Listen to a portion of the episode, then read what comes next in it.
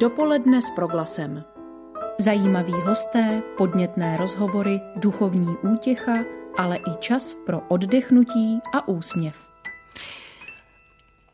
Milí přátelé, pěkně vítám u dopoledne s proglasem 15. dne měsíce září 2021. Eh, v těchto dnech je stále jedním z hlavních témat médií, a to nejen těch křesťanských, návštěva papeže Františka u našich slovenských sousedů, eh, s čímž souvisí také téma následující hodiny, v níž se pokusíme dotknout pastoračních důrazů jednotlivých papežů uplynulého století. A jsem moc ráda, že mohu u mikrofonu přivítat člověka, který sám sebe definuje jako křesťanského teologa, vycházejícího z katolicky orientovaného prostředí, inspirovaného českým, ev, českým evangelickým porozuměním a světem umění, protože si myslím, že ten ekumenický rozměr budeme dnes potřebovat. Zároveň je to člověk velmi činný publicisticky a to také jako editor. Zdeněk Ambroš Eminger, zdravím tě na dálku směrem do západních Čech všechny posluchače Proglasu. A od mikrofonu brněnského studia vám inspirativní poslech přeje Hana Svanovská. Eh, Zdeňku, já na začátek prozradím, že se zaměříme na papeže zhruba posledního století, tedy od konce první světové války až do pontifikátu Benedikta XVI., který se skončil roku 2013. Eh, na začátek možná takovou hypotetickou otázku. Když bychom zavřeli oči a ocitli se v roce 1918, kdy se vlastně geopoliticky uspořádává Evropa úplně jiným způsobem, než tomu bylo doposud, dosud. A osobní životy lidí procházejí obrovskými vnitřními proměnami. Dokonce by se dalo říct, že je tu velká krize společenské i individuální integrity. Eh, co v této chvíli znamená pro tehdejšího katolického křesťana papež, nebo co tenkrát znamenal? To je velmi zajímavá otázka. Já myslím, že my jsme si řekli, že se budeme bavit o pontifikátu a papežích 20. století, zhruba od doby první světové války. Ano. Ale řekl bych, že jak křesťané právě v době první světové války mohli vnímat papeže, za to může ještě papež, kterého jsme do toho našeho přehledu nevybrali, a to je ten velký papež konzervatismu Pius X. Pius X. Eh, byl, eh, byla skutečně mimořádná osobnost. Eh, na Pia X. se dnes odvolávají všichni ti katoličtí křesťané, kteří touží potom, aby církev byla daleko více konzervativnější, aby, aby nebyla tak progresivní ale Pius X. byl člověkem, který v církvi začal na začátku 20. století reformovat celou řadu věcí a začal vstupovat i do toho veřejného prostředí. Tím, že například eh, zreformoval církevní právo, snažil se mhm. zreformovat kůry, snažil se zreformovat liturgickou hudbu, knižský breviář, byl to vlastně on, kdo založil ten dnes velice známý úřední tiskový věstník svatého stolce Akta Apostolice Sedis. Najednou se vlastně lidé z toho blížícího se moderního světa začali eh, dozvídat o církvi něco důležitého. A když se se ptala na to, eh, jak by se na papeže začátku 20. století díval běžný uh-huh. křesťan, otázka je, mm, kdo to ten běžný křesťan byl. Když se podíváme na katolického intelektuála, spisovatele, umělce, vědce, člověka, který četl knihy, četl české i zahraniční časopisy, ten pohled by byl naprosto jiný od prostého věřícího, jako jsem třeba já, který běžel v nějaké malé české nebo slovenské vesničce. Mm-hmm. Právě Pius X. Uh, aspoň v mém pohledu ukázal, že pontifikát papeže může být otevřený všem lidem, bez ohledu na to, zdali, jsou, uh, zdali žijí na jakémkoliv kontinentu této planety. Eh, doba první světové války je spojená s pontifikátem Giacomo Marquise de la Chiesi, tedy Benedikta XV., velkého diplomata a jednatele mezi nepřátelskými stranami válečného konfliktu. Jakým způsobem se do něj otiskl ten pontifikát předchozího papeže, který ty si vlastně označil jako velmi reformní? Benedikt 15.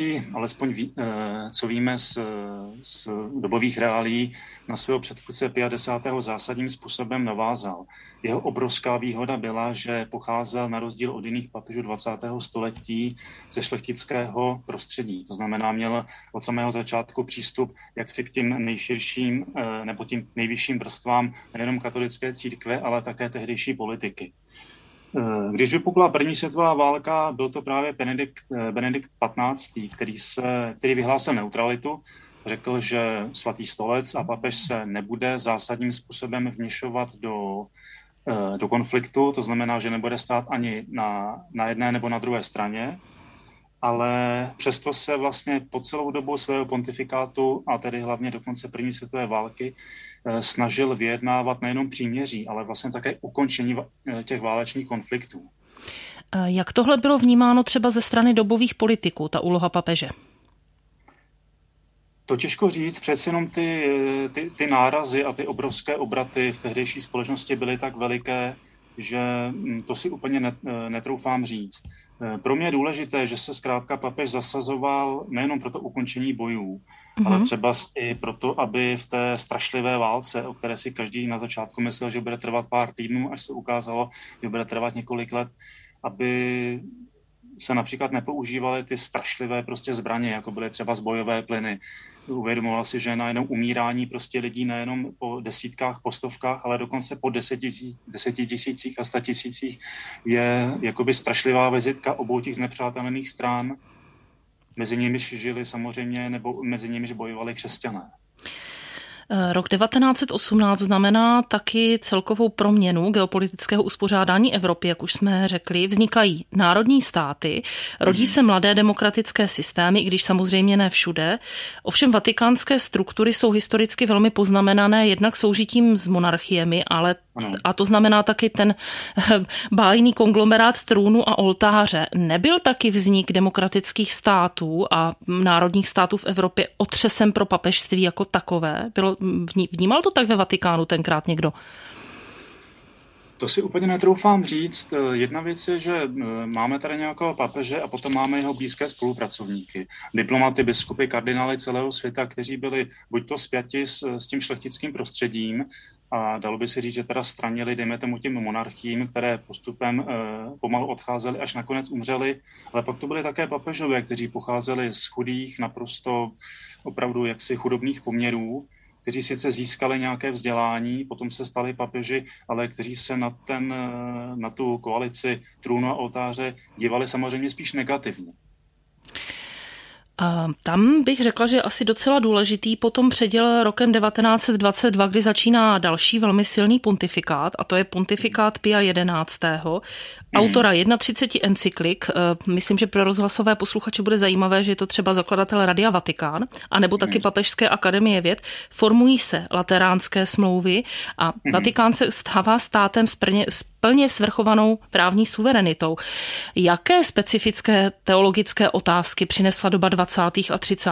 let? Zároveň jsou to léta pokračující sekularizace, kdy katolická církev v mnoha směrech zůstává v takové jisté defenzivě vůči moderní společnosti. Nebo se to takhle zdá jenom zvenku? Ona už první světová válka, ale i ta nastupující druhá světová válka ukázala ten obrovský hlad části populace po nějakých politických vůdcích. Mně se na papeži Piu 11. líbí, že to byl on, který zavedl ten nádherný svátek Ježíše Krista krále. Ano, v roce 1925. Dal, mhm. Ano, aby dal najevo teda nejenom katolickým křesťanům, ale i vlastně celému světu, že existuje jenom jeden jediný král. A že Ježíš Kristus tedy, a že na uh, církev a na církevní struktury a na ten každodenní život církví si nemají ty uh, političtí vůdci jednotlivých stran dělat vlastně vůbec žádné nároky vlastně už Benedikt 15. udělal úžasnou věc, že zase zavedl svátek Pany Marie prostřednice všech milostí, kde eh, vlastně dal najevo, že eh, člověk samozřejmě se může ve svém životě snažit o, o mír, může se snažit o kultivování vlastní osobnosti, ale eh, zapomínat v tomhle, i v těch hrozných okamžicích na Boha a na panu Marii by bylo opravdu špatné. Dá se říct, že mm, ten, ta pastorace byla zaměřená víc na, individu, na individuální víru křesťanů, než tomu bylo předtím? Myslíš u kterého papeže? Uh, myslím obecně ve 20. 30. letech, ale třeba i za toho Pia 11. Jestli se v tomhle ohledu něco změnilo? Já si myslím, že se, že se změnilo dost, eh, nejenom, nejenom eh, z té české nebo československé strany. Začalo v Římě studovat celá řada pozdějších osobností, které čerpaly z toho velkého rezervoáru jaksi křesťanské, křesťanské tradice. A když se potom vraceli do svých diecezí, tak samozřejmě uplatňovali pomalu a postupně vlastně úplně nebo úplně jiný styl uh, pastorace, než byl známý do té doby, kdy ten třeba z biskup, ta jeho služba byla spojena, dejme tomu, i s nějakým šlechtickým titulem a vlastně nebylo úplně jasné, jestli ten člověk působí na 100% jakoby pastíř katolické církve, anebo jestli přitom ještě musí vykonávat nějaké úkoly, které jsou spojeny s tím, že je třeba s nějaký patriarcha nebo, nebo, nebo šlechtic. Jak to papežství v 20. a 30. letech vypadalo? My jsme na to narazili na začátku. Z hlediska lajka, běžného věřícího, jako jsme dnes třeba my, kteří máme přístup k vatikánským dokumentům, k přeloženým exhortacím, encyklikám, k různým papežským listům nebo doporučením, Předpokládám, že to tenkrát nebylo samozřejmé, že se to k těm věřícím dostávalo pouze zprostředkovaně. Je to tak? Je to tak, já si vlastně ještě vzpomínám, nejsem, nejsem tak starý, ale vzpomínám si na lidi, kteří se narodili ještě eh, po první světové válce, žili vlastně celý svůj eh, křesťanský, rodinný, profesní život vlastně v obou těch, tota, nebo v obou válkách, v obou totalitách, uh-huh. nacistické i té komunistické. A když jsem se jich vlastně ptal na to, jak prožívali ten svůj každodenní život, tak eh, je to přesně tak, jak říkáš ta představa, že by si mohli přečíst nějaké zásadní dokumenty, které papež eh, napsal, že by si je mohli eh, někde vyhledat, že by, o nich, že by je mohli studovat, že by mohli mezi sebou nebo třeba se svými pastýři o nich vést dialog, ta představa je skutečně úplně milná. Všechno se to k ním dostávalo jenom zprostředkovaně, s dnešní dobou se to nedá vůbec rovnávat. Ano. Ehm, teď položím jednu otázku nebo se vrátím k jedné věci, která přímo s pastorací nesouvisí, ale je potřeba ji asi zmínit. Od poloviny 30. let je jasné, že Evropa se začíná znovu destabilizovat. Máme nacismus v Německu, nastupuje vůdce v Itálii, Benito Mussolini. A jsou tady tak trošku sirény nebo vějíčky, které zněly tenkrát mnoha věřícím lákavě, protože přece jen to hierarchické nebo vůdcovské uspořádání ehm, v katolické církvi tenkrát bylo a ehm, ono to vlastně hodně lákalo lidi tím pádem i politicky. Jak na tato nebezpečí reagoval konkrétně papež Pius XI? Eh, odhadl třeba nacismus a fašismus v Itálii dobře? Měl odhad na to, že je to nebezpečné? Pius XI měl vynikající odhad vlastně eh, na počátku, eh, na počátku první, druhé světové války nejenom jednou, ale mnohokrát ve svých textech, ve svých promluvách, při svých návštěvách Eh, zásadním a jednoznačným způsobem odsoudil ideologii nacismu, odsoudil ideologii fašismu, odsoudil samozřejmě ideologii komunismu. A mm-hmm. byl vlastně jedním z prvních papežů, který, se, eh, eh, který výslovně odsoudil vzrůstající vlnu antisemitismu. Takže ti lidé, kteří se vlastně k těm papežským textům nějakým způsobem zprostředkovávaně dostávali, jim muselo být jasné, jaká je pozice hlavy katolické církve a e, jakou orientaci nebo jaký postoj by katolický křesťan 30. let měl v zemi, kde žije, zvolit. E, na konci 30. let se tedy Evropa zase dostává do velké existenciální a spirituální krize. Mluvili jsme už o antisemitismu, o pronásledování židů a právě v krizovém roce 1939 dochází na svatém stolci e, ke změně. Papežem se stává Eugenio Pacelli, tedy Pius XII. Eh, z dnešního pohledu byl to příhodný papež pro takto neklidnou dobu? Spíš asi teď pomiňme spory historiků o jeho úloze v židovské otázce mhm. a zaměřme se spíš čistě na působení vůči řadovým věřícím. Eh, posunul ten pontifikát někam tímhle směrem? Eh, neřekl bych úplně pontifikát vůči řadovým věřícím, ale je jasné, že Pius XII. byl pro, tu, pro, pro svoji papežskou funkci nebo službu výborně vybavený. Byl to kariérní diplomat, eh, který sloužil dlouhou dobu v Německu. Eh, poznával, zjišťoval, eh, k jakým destabilizacím, k jakým, k jakým věcem vlastně mezi, mezi těmi jednotlivými velkými velmoci, velmocemi dochází. Proto když se potom stal papežem, dokázal vlastně na to z pozice hlavy církve jako velice pružně a aktivně reagovat. Pius XII. byl vlastně jedním z prvních papežů, kterého máme zaznamenaného, dejme tomu, na filmových páscích že byl to takový ano. štíhlý, velice asketický prostě člověk, který ale už dělal to, co, na co jsme potom byli zvyklí třeba u Jana Pavla II. nebo u současného papeže Františka, že začal chodit mezi lidi a měl na ně někdy dokonce úplně takový elektrizující vliv, dokázal uh, mluvit s naprosto obyčejnými lidmi a dával jim najevo, ano, já jsem tady papež, a dokud tady budu já jako papež, tak zkrátka budu bojovat za to, co je pro církev podstatné. Co ho k tomu vedlo, že začal chodit mezi lidi? Měla na to vliv eh, ta jeho předchozí diplomatická kariéra?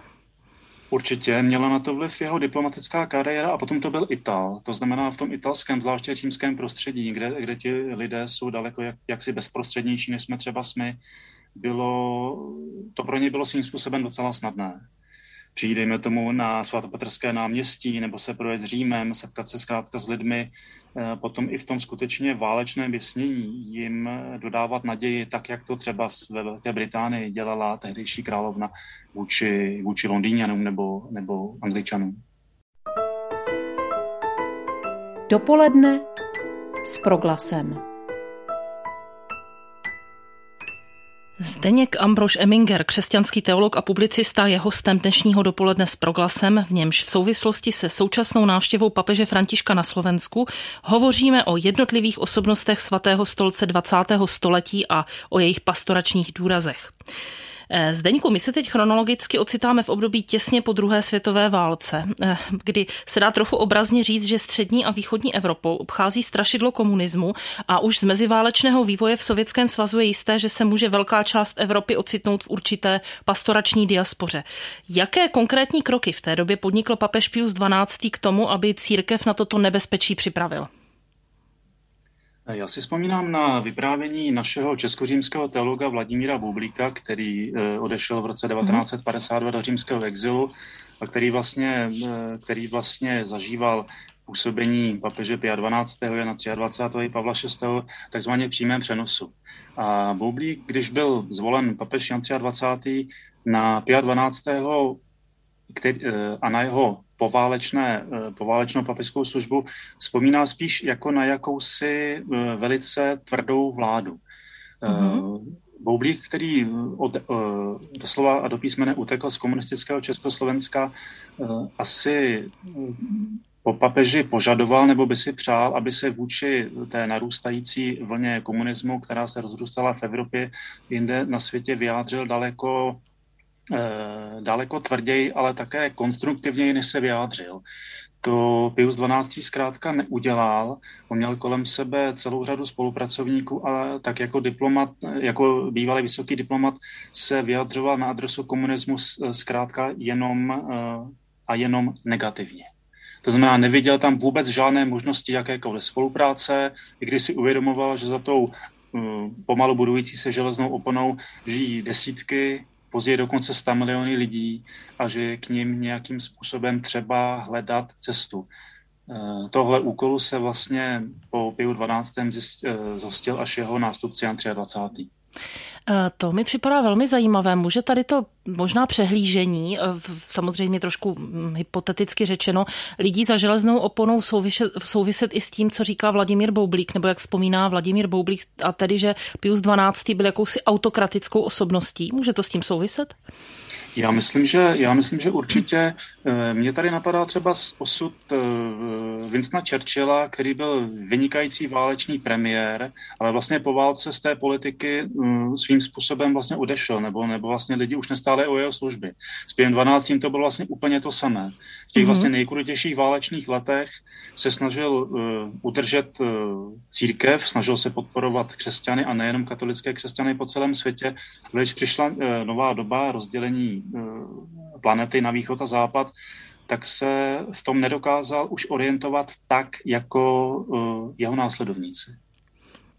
No, eh, za zlomový bod dějin církve 20. století lze bezesporu pokládat rok 1958, kdy začíná krátká, ale důležitá éra Angela Roncaliho, neboli dnes už svatořečeného Jana 23. a nastává v církvi něco, co bychom mohli zase trošku hyperbolicky nazvat revolucí, protože tento papež svolává druhý vatikánský koncil, ale možná se tedy vraťme ještě k jeho postoji ke komunismu. V čem to bylo jiné než u Pia 12. Hmm.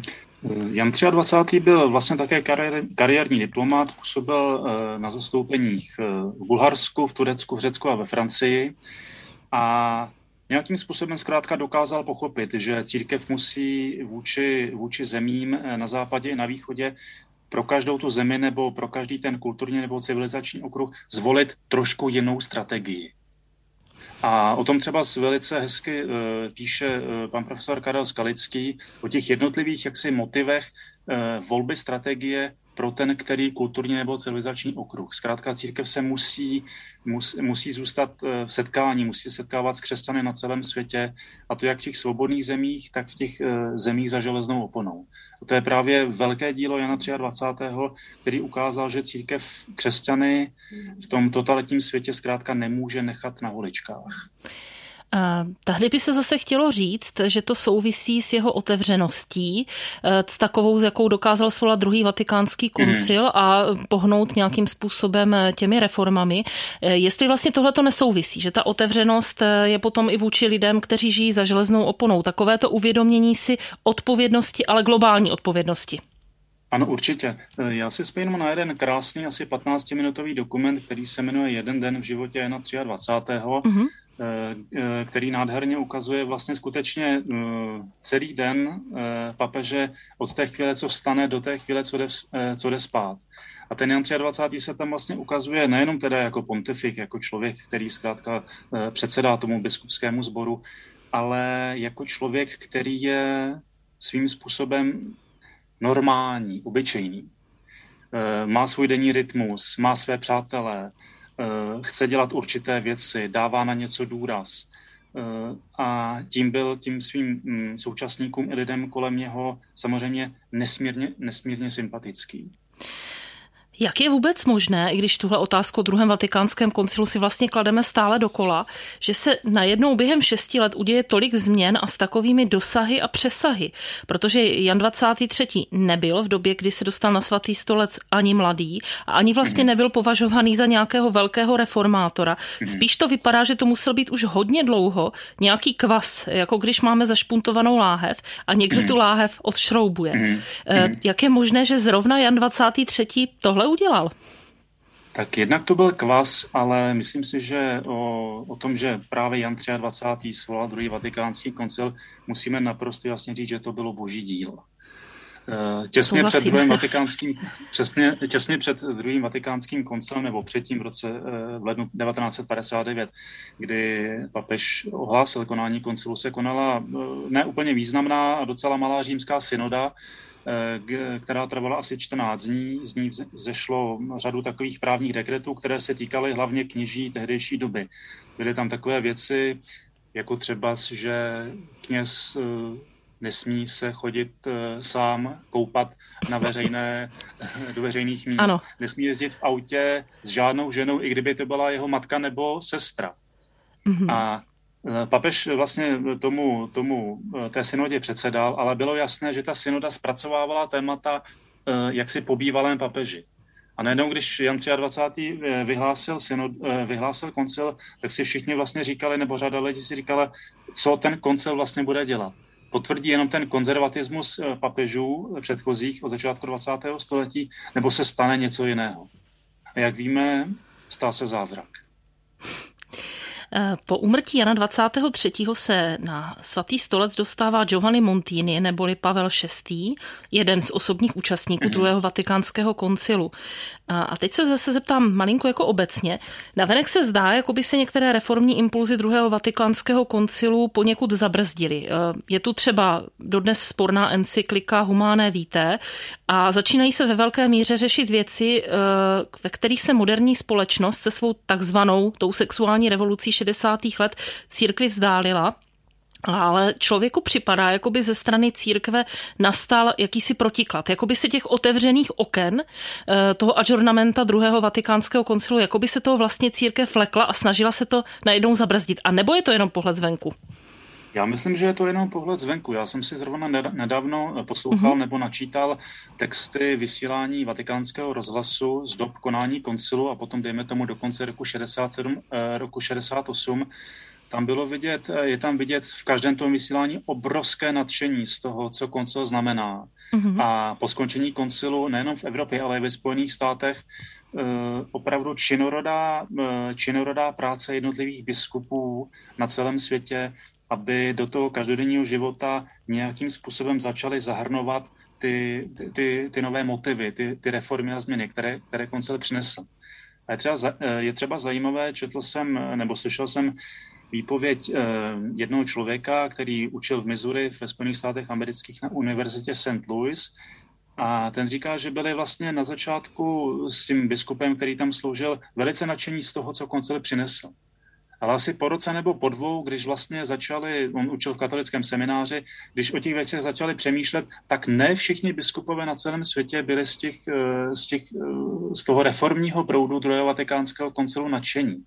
Já si teda nemyslím, že by Pavel VI jaksi zabezdil ty reformy. Mm-hmm. Naopak, 60. Eh, léta, co to znamená? Velké množství sociálních revolucí, mm-hmm. studentských revolucí, přeci jenom do určité míry i to, čemu se dá říkat sexuální revoluce. A na to zkrátka papež jako hlava církve musel nějakým způsobem reagovat eh, a zvláště ve vztahu k tomu, co je pro církev nejpodstatnější, a to je rodina.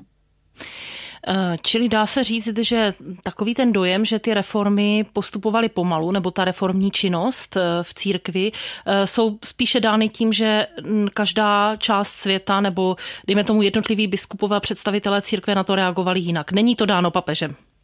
Určitě. Eh, mně se líbí eh, k tomu příspěvek eh, českořímského teologa Karla Skalického, který mě to svého času vysvětloval a říkal, podívej se, když papež vydá nějaký dokument nebo nějakou encykliku nebo, ne, nebo cokoliv významného, tak existuje na světě jižní svět za Alpami a severní svět před Alpami. Pro ten jižní svět, to znamená Italové, Špa, mm-hmm. Španělé a celá Latinská Amerika, jsou ty mm, papežské dekrety jakýmsi ideálem, ke kterému ten katolický křesťan celý život nějakým způsobem míří. A po těch ideálů dosáhne nebo je nedosáhne, zkrátka eh, podle toho, mm-hmm. jaký je.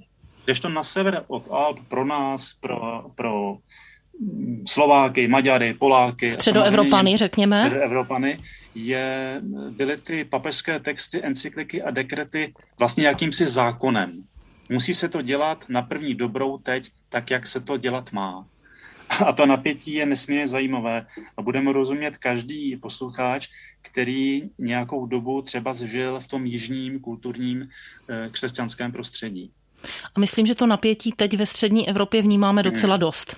Mm. Takže já, když jsem se třeba ptal italských lidí, eh, italských katolických křesťanů, jak vnímali, eh, vnímali tu eh, snahu papeže Pavla VI. skrze encykliku Humáné víte, přibrzdit vlastně tu, tu sexuální otevřenost a, a, a vrátit ty věci tam, kam si myslel, že, že patří, tak oni to právě chápali nikoliv jako rozkaz, že od druhého dne se tak a tím musíme mm-hmm. řídit, ale jakýsi ideál. Papež nám zkrátka nastínil, nastínil ideál, nějakou metu, ke kterému všichni ze svých sil nějakým způsobem půjdeme.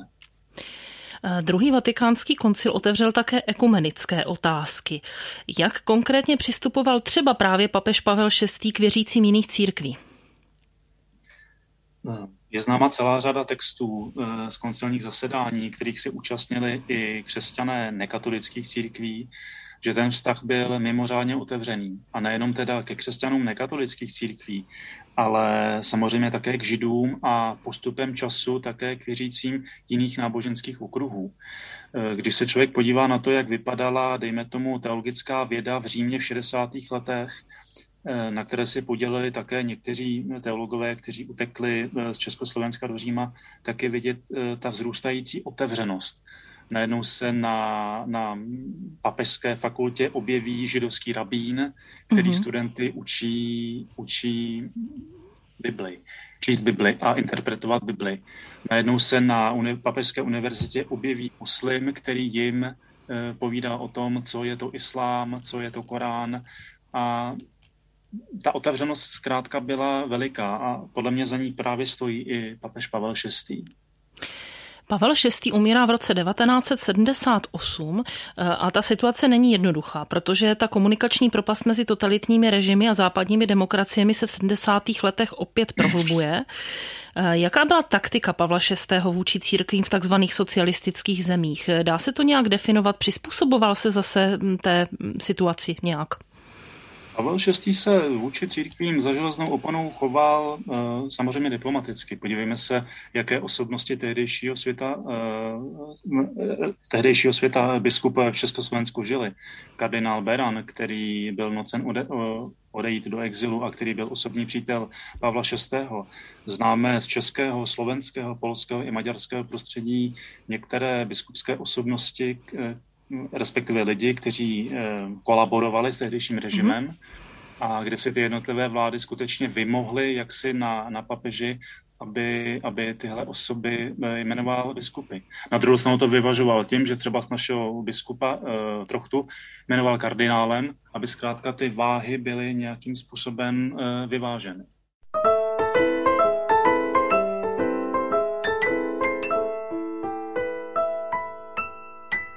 Milí přátelé, hostem dnešního dopoledne s proglasem je křesťanský teolog a publicista Zdeněk Ambrož Eminger a hovoříme spolu o pastoračních stylech a způsobech papežů 20. století. My jsme mluvili o taktikách vůči komunismu, ale ještě předtím, než v roce 1978 dochází k velkému zlomu a kdy byl do čela katolické církve konkláve zvolen Karol Vojtila, tak nastává krátký několika měsíční pontifikát Jana Pavla I. V čem byl ten pontifikát zajímavý, specifický a řekněme i důležitý? Já se přiznám, pro mě je právě pontifikát Jana Pavla I. Eh, velice důležitý. Je to možná asi můj nejoblíbenější papež celého 20. století.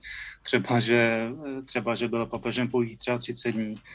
Eh, na začátku je zajímavé třeba z toho jeho papežské heslo humilita, spokora, které, které si zvolil, které sice nemohl dlouho uplatňovat, ale lidé, kteří ho znali, tak eh, říkali, že ještě jako Albino Luciani, eh, biskup dieceze Vittorio Veneto a pozdější patriarcha Benátek, byl skutečně člověk, který dokázal promluvit úplně ke všem. Jan Pavel I. se účastnil všech zasedání druhého vatikánského koncilu, nejenom pasivně, ale přinášel tam také řadu podnětů.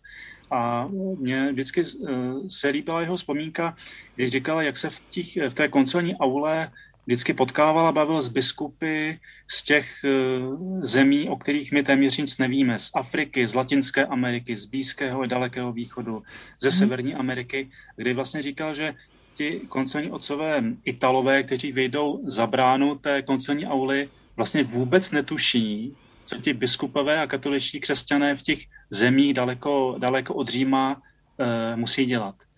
Eh, Dalo by se říct, že vnímal eh, globální rozměr církve, asi nejlépe určitě, z těch papežů dosavadních. Určitě, určitě. Začal vnímat ten globální koncept církve, připravil si, jsou známy eh, z jeho biografie náčrty reformy, nejenom teda reformy, reformy římské kurie, ale také reformy vzdělávání. Bohužel ten pontifikát byl natolik krátký, že z toho nakonec nic nezbylo. Eh, nezbylo v tom smyslu, že eh, zrovna na některé tyto důrazy se pak nepodařilo navázat? Jednak se na ně nepodařilo navázat, jednak právě u Jana Pavla II. Eh, převládlo to, a trvá to vlastně do dnešní doby, že lidé spíš upřednostňovali debaty o tom, jak Jan Pavel II. zemřel, než... Jan Pavel I. Pardon, jak Jan Pavel I. zemřel. Pro pořádek. Než, ano, jak Jan Pavel I. zemřel, než na to, jaký to byl člověk a jaký to byl papež. Eh, pojďme teď k velkému zlomu, o kterém jsem již mluvila, eh, protože do čela katolické církve byl zvolen Karol Vojtila, tedy papež přímo se zkušeností z komunistického Polska, mm. také první neitalský papež v historii. Už se o tom samozřejmě mluvilo tenkrát a když se podíváme do dobového tisku, tak i tenkrát už to bylo bráno jako něco naprosto výjimečného. Ale já bych se zkusila zeptat, jak takový náhlý obrat zapůsobil na psychologii věřících křesťanů. Já myslím, že ten obrat musel být obrovský, eh, zvláště teda jaksi pro nás lidi, kteří, kteří eh, nejsme biskupové nebo kněží. Na druhou stranu eh, Karel Vojtila se zúčastnil všech jednání druhého vatikánského koncilu, byl tam jedním z nejaktivnějších biskupů a zásadním způsobem ovlivnil vlastně ten dialog, debatu a nakonec i konečné znění textů, jakým jsou Gaudium et Spes nebo Dignitatis Humanae. Mezi nimi koncilovými otci si získal tak obrovské renomé, že když potom eh, Jan Pavel I. zemřel, tak eh, otcové uvažovali v konkláve, koho zvolí, tak Jan Pavel II. respektive Karol Vojtila byl horkým favoritem a také se to podařilo. Eh, mě u Pavla druhého zajím, nejvíc zajímá, co se mu podařilo vtělit do jeho pontifikátu, jak se říkala.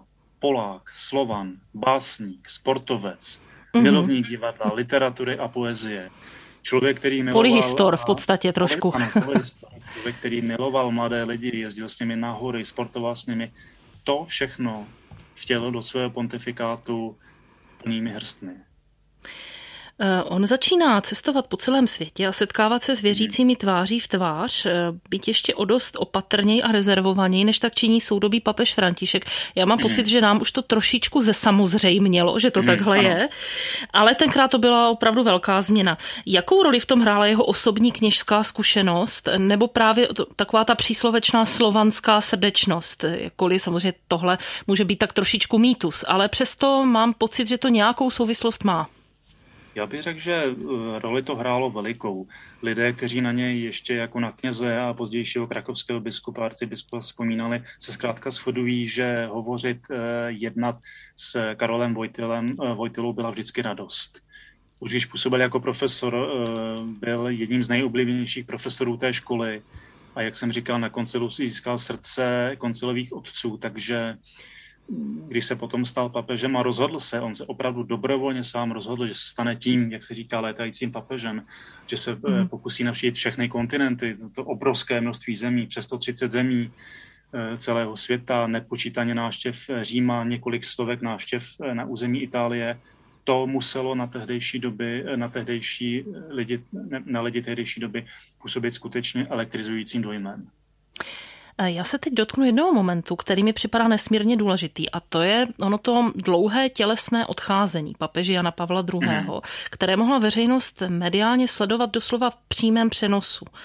A to podle mého soudu značí jistou proměnu vnímání papežského úřadu a osobnosti papeže. Co myslíš? Eh, to si myslím, že by bylo před pár desítek let předtím naprosto nepředstavitelné.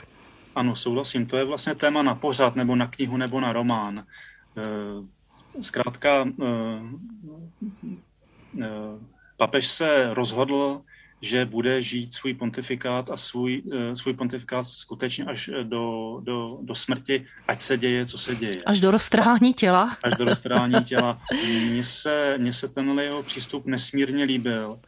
Když si, veme, když si vememe, že byl ten jeho pontifikát, tuším, že třetí nejdelší v dějinách, a že jsme vlastně všichni jako který jsme se narodili, dejme tomu někdy v 80. letech, znali jenom papeže Jana Pavla II., který byl zkrátka všude.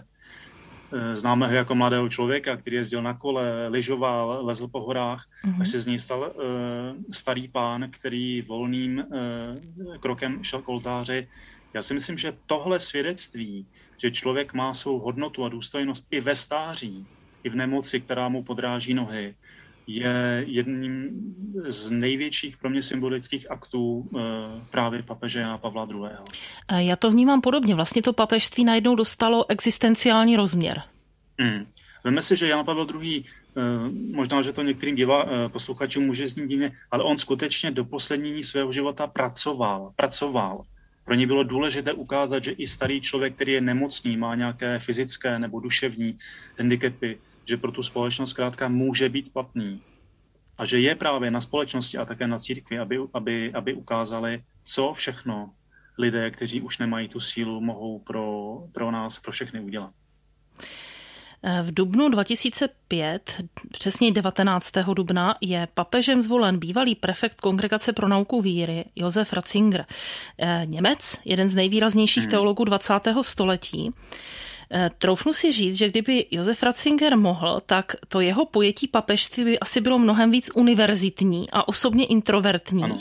Jenže on musel v něčem navázat na pastorační styl Jana Pavla II., což si hmm. myslím, že možná pro něj bylo mnohem těžší, než, než potom kdy přiznával.